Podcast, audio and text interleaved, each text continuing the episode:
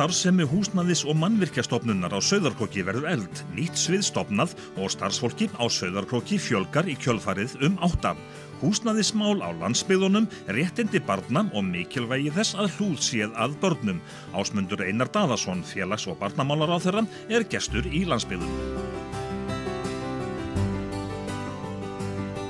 Ásmundur Einar, þú ég tilkynntir í dag um að ebla starfsemi húsnæðis og mannvirkjastofnunar á Sauðarkróki. Já, þessi ebling starfstöðurinn þar í hverju fælst hún? Já, þetta fælst í rauninni því að, að þegar við vorum að vinna í saminningu íbúðalónasjóðs og mannverkjastofnunar að þá kom upp rattir um það að það þurfti að stórefla slökkustarf og brunavarnir í landinu og menn hefði áhyggjur af því að undanfarin ár og áratugji hefðu við svona ekki sint því hlutverki sem skildi og, og mér fannst mikilvægt að taka þetta alvarlega og bara sammála því að það er mikilvægt sérstaklega smærri og meðalstórun slökkuliðum að, að þar, er, þar þarf að blása til sóknar.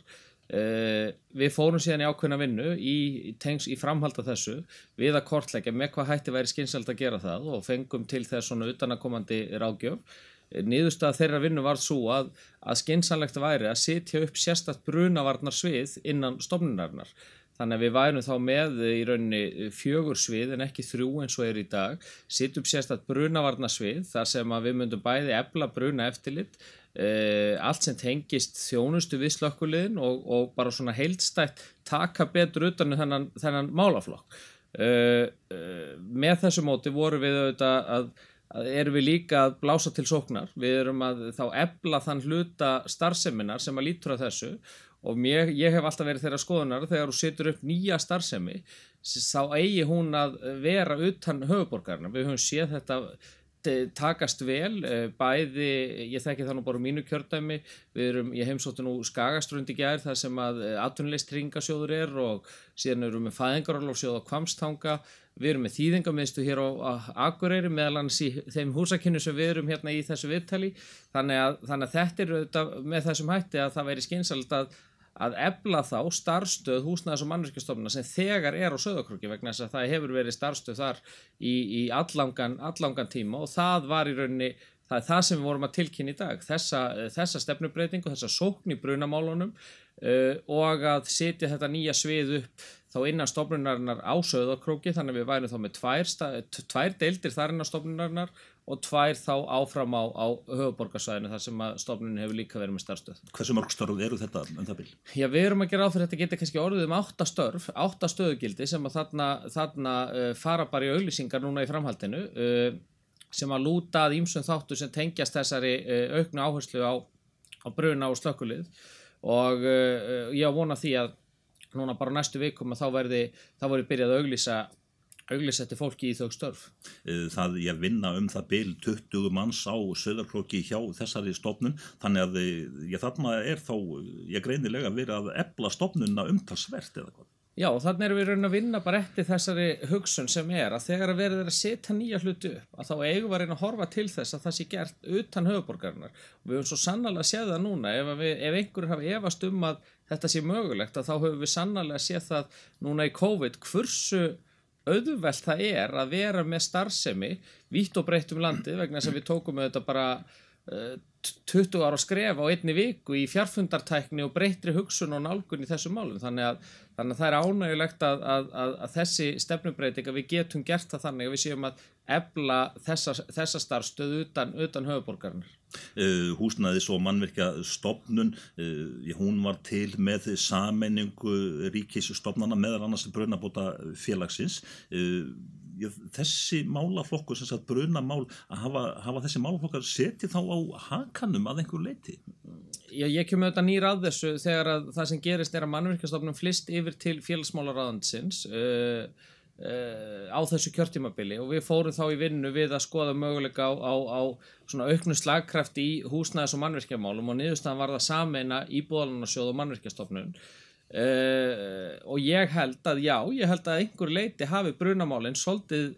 verið uh, utangarð skulum við segja, en ég held að það hef ekki verið meðvitað ég held að það hef bara svona einhvern veginn gerst. Og það er það sem við viljum og mig langar til þess að gera er að við tökum betur utan þennan málaflokk vegna að hann er gríðarlega mikilvægur og við förum svona að, að ebla hann og blása til sóknar og þetta er fyrsta skrefið í því og það eru fleiri aðgerðir í þessari vinnu, þessari skýslu sem að, sem að kynnt verður núna í framhaldinu sem að lúta því hvernig við getum stíið frekari skref í því efla brunavarnir og, og, og slökkulið uh, allt í kringum landið. En þegar að þið, þið voruð að rýna í þetta allt saman og þegar spurningin kom upp um að ja, efla þá starfstöðuna á uh, söðarkróki, uh, voru efasendarættir? Nei, ég held sko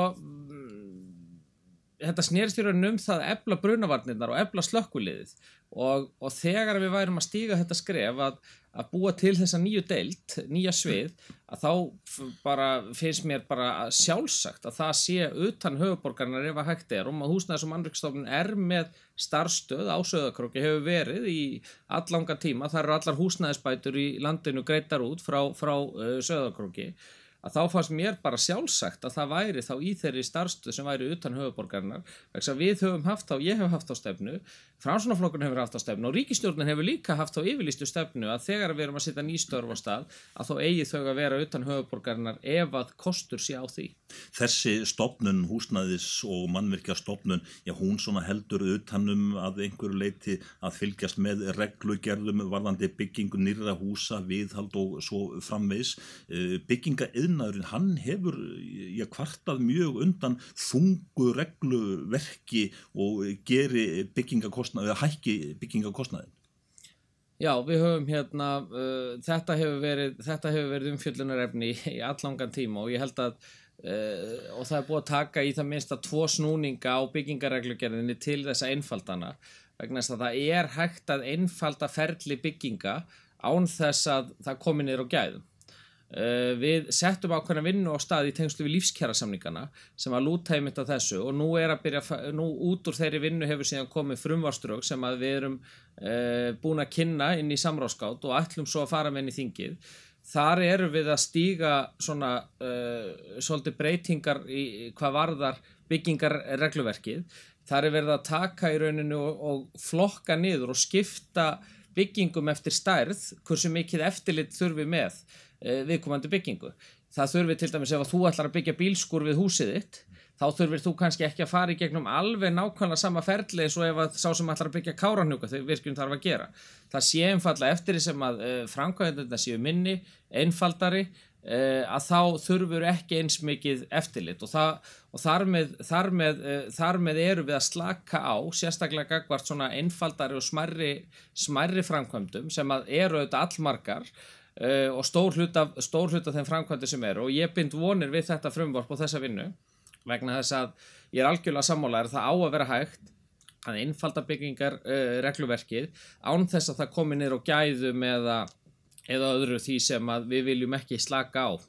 Þú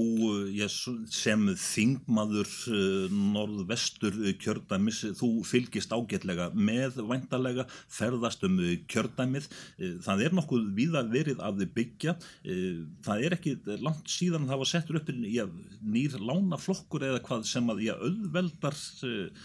fólki utan höfuborgarsæðisins að byggja á maganhátt. Já, ég er auðvitað, það, sem maður hefur orðið var við, uh, þegar maður hefur bara í, pólitíkinu undanfærin ár, eða þessi ár sem ég hef verið í pólitík, að þá er maður orðið var við það, það hefur verið mjög erfitt að, að fá fram, uh, að það sé byggt í dreifðum byggðum. Ástæðan er svo að, að hérna, uh, oft á tíðum er byggingakostnaður hærri heldur en markasverð, en á sama tíma þá vantar fólk til vinnu, það vantar húsnæði, það vil fólk flytja á staðin, en það er einfallega ekkert húsnæði að fá og ég einsetti mér það þegar ég settist inn í uh, þetta ráðanett að við, við ætluðum að koma með aðgerðir til þess að breyta þessu, til þess að ná að uh, koma byggingamarkanum á stað út í hennum dreifðu byggðum til þess að ebla aðtunlífið og svo framvegis. Við settum á stað uh, ákveðinu undirbúinisvinnu síðan með fengum tilruna sveitafjölu til þess við okkur til þess að þróa svona tækin og tólinn sem þyrti í þessu og það er svona þrent sem að ég held að sé að skipta sköpum í þessu núna. Það er í fyrsta lagi þessi lánaflokkur sem þú nefnir sem er lánaflokkur sem hefur heimil til þess að lána út frá byggingarkostnaði en ekki engung út frá markasverði. Uh, þannig að ef að greiðslu geta er til staðar. Í öðru lagi eru við, í öðru lagi eru við uh, almenna íbúðakerfið sem er svona íbúðakerfi sem að ríkið kemur með stoppframlög á móti sveitarfélögum uh, til þess að byggja leiguhúsnaði til félaga sem eru rekin svona á félagslegum grunni. Uh, þarna höfum við séð mikið byggt á undanförnum árum en megnið að því hefur verið á höfuborgarsvæðinu. Það hefur aðeins verið byggt hérna á Akureyri, upp á Akarnesi en nánast langstæstur hlutinu þessu hefur verið á höfuborgarsvæðinu. Og við vorum að gera breytingar sem að gera það verkum að nú geta farið herri hlutdeilt stoppframlaga til hérna dreifðu byggða til þess að vega upp þetta misræmi í byggingakostnað og markasauði og við erum þegar að byrja að sjá marg víðafarð á stað, ég sé það Sauðakrókur, Kvamstangi Uh, við erum að sjá að þetta er að reyfa við á þessum svæðum. Síðan í þriðja lagi sem að ég held að sé líka mjög mikilvægt, það er að við stopnum sérstakt leigufélag sem heitir Bríett og uh, á að fókusera fyrst og síðast á uppbyggingu leiguhúsnaðis á landsbyðinni. Þarna kópiruðu við bara leigufélag á skandinaviskri fyrirmynd, til dæmis í Finnlandi. Í Finnlandi er ekkur finska ríkislíkt leigufélag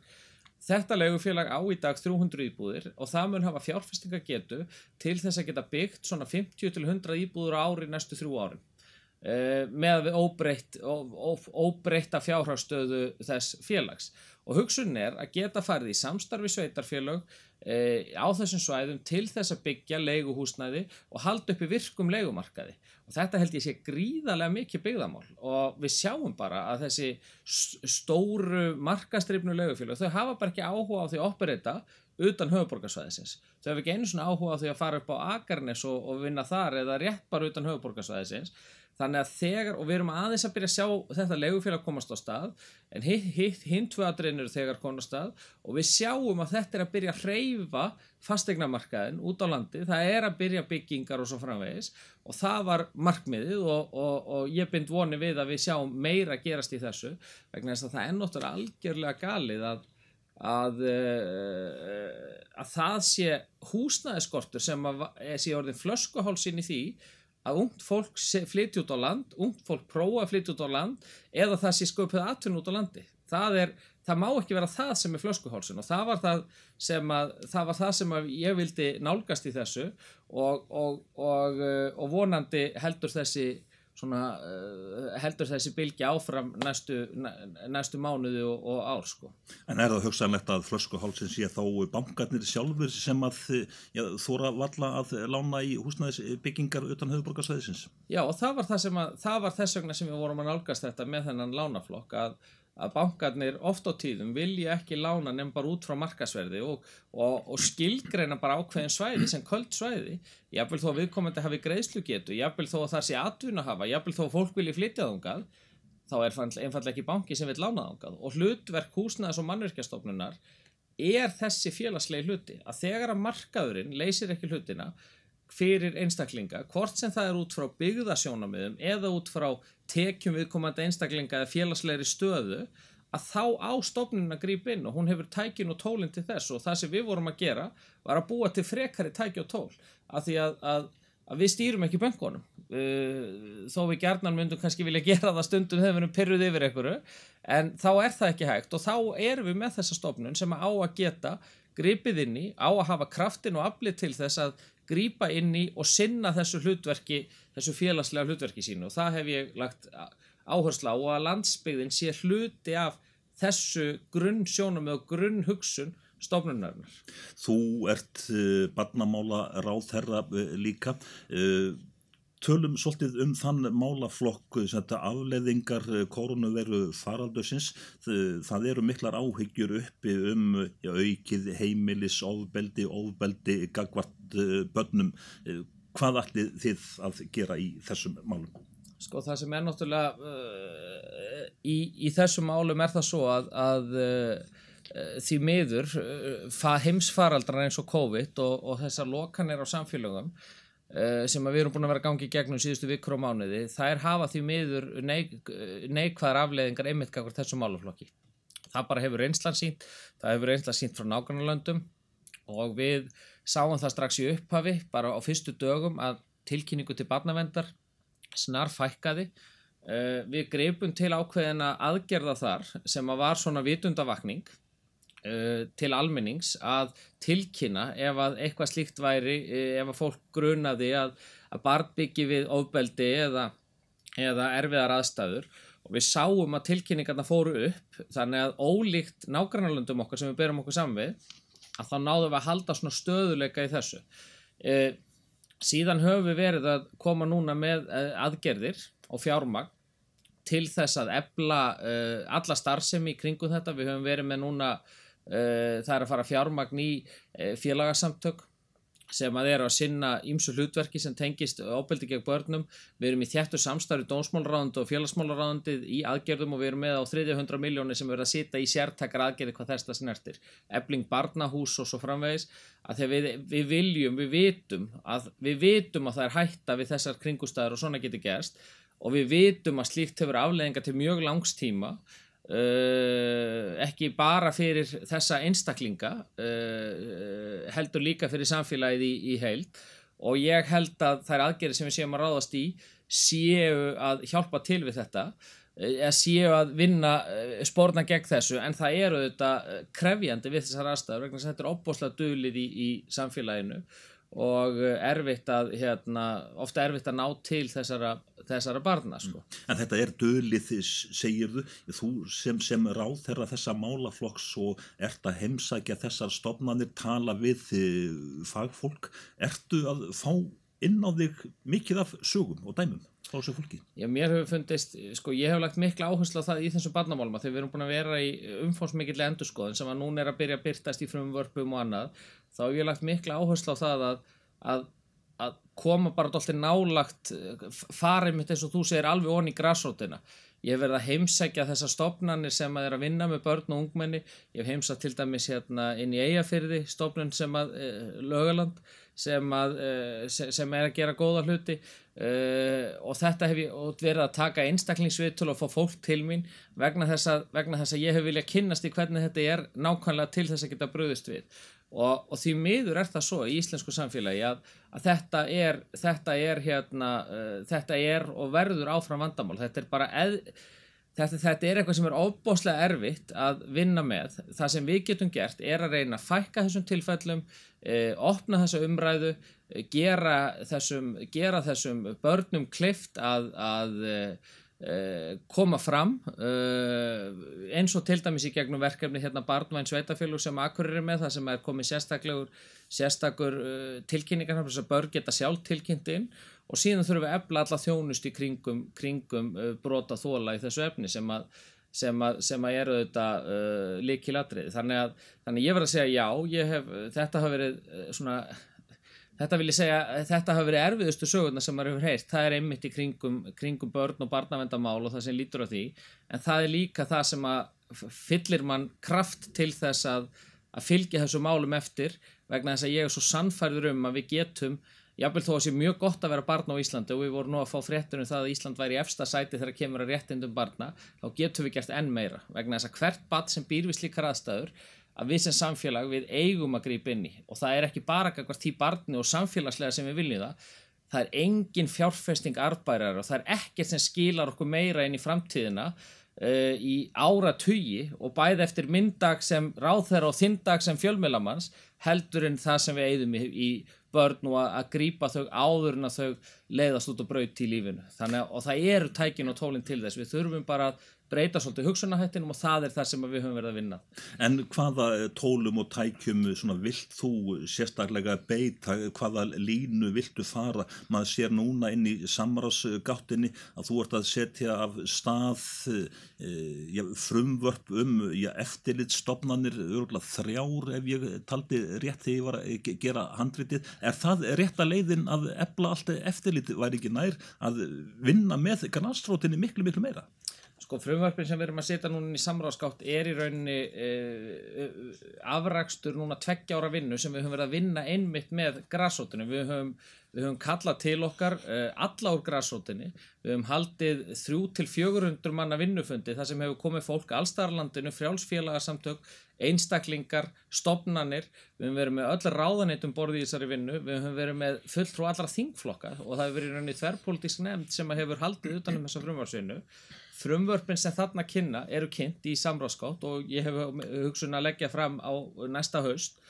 eh, eru þrýþætt. Það er annars vegar, eh, annars vegar er eh, frumvarp sem er likil frumvarp um samþæktingu þjónustu við börn á Íslandi. Það sem við erum að gera er að færa börnin inn í miðju alls og að kerfið sem að vinnur með þeim, hvað sem það er skóli, félagskerfi, heilbriðistjónusta, frjáls félagasamtök, að það verða að vinna neðan frá og í kringum barnið vegna þess að við höfum ofta tíðum séð að heirt sögur um börn sem er að lenda inn á milli kerfa og gráu svæði og svoleiðis. Þetta frumvarp er hugsað til þess að ná utanum þau. Eh, með, með algjörlega breytri hugsun og sveitafélug munu þurfa að ráðast í mikla breytingar á sínu skipulagi, við náum þetta fram að ganga uh, en auðvitað gerist þetta ekki á einu ári, við erum að tala nokkur ári innleðingatíma uh, síðan samhliða þessu eru við að uh, ebla þá eftirlitstofnun sem er með velferðarþjónustu í dag. Það er eitt frumvarpið, þannig að hún hún komi að meiri afli, afli inn gagvart faglegri þjónust og svo framvegist Svo í þriðja stað eru við að ebla uh, barnavendarstofu sem að í dag er, að dag er eh, heldur utanum öll úrræði sem eru í, í nótið í barnavend og við erum að ebla hana og ætlum að láta hana eh, ætlum að sé, hana fyrir mig sem enn öflugri stopnun við með ímis úrræði til þess að þjónusta börn og fjölskyldur. Vegna þess að ég, eh, ég trúi því og nú erum við að láta kostnæðar með þessi trúfrumvörp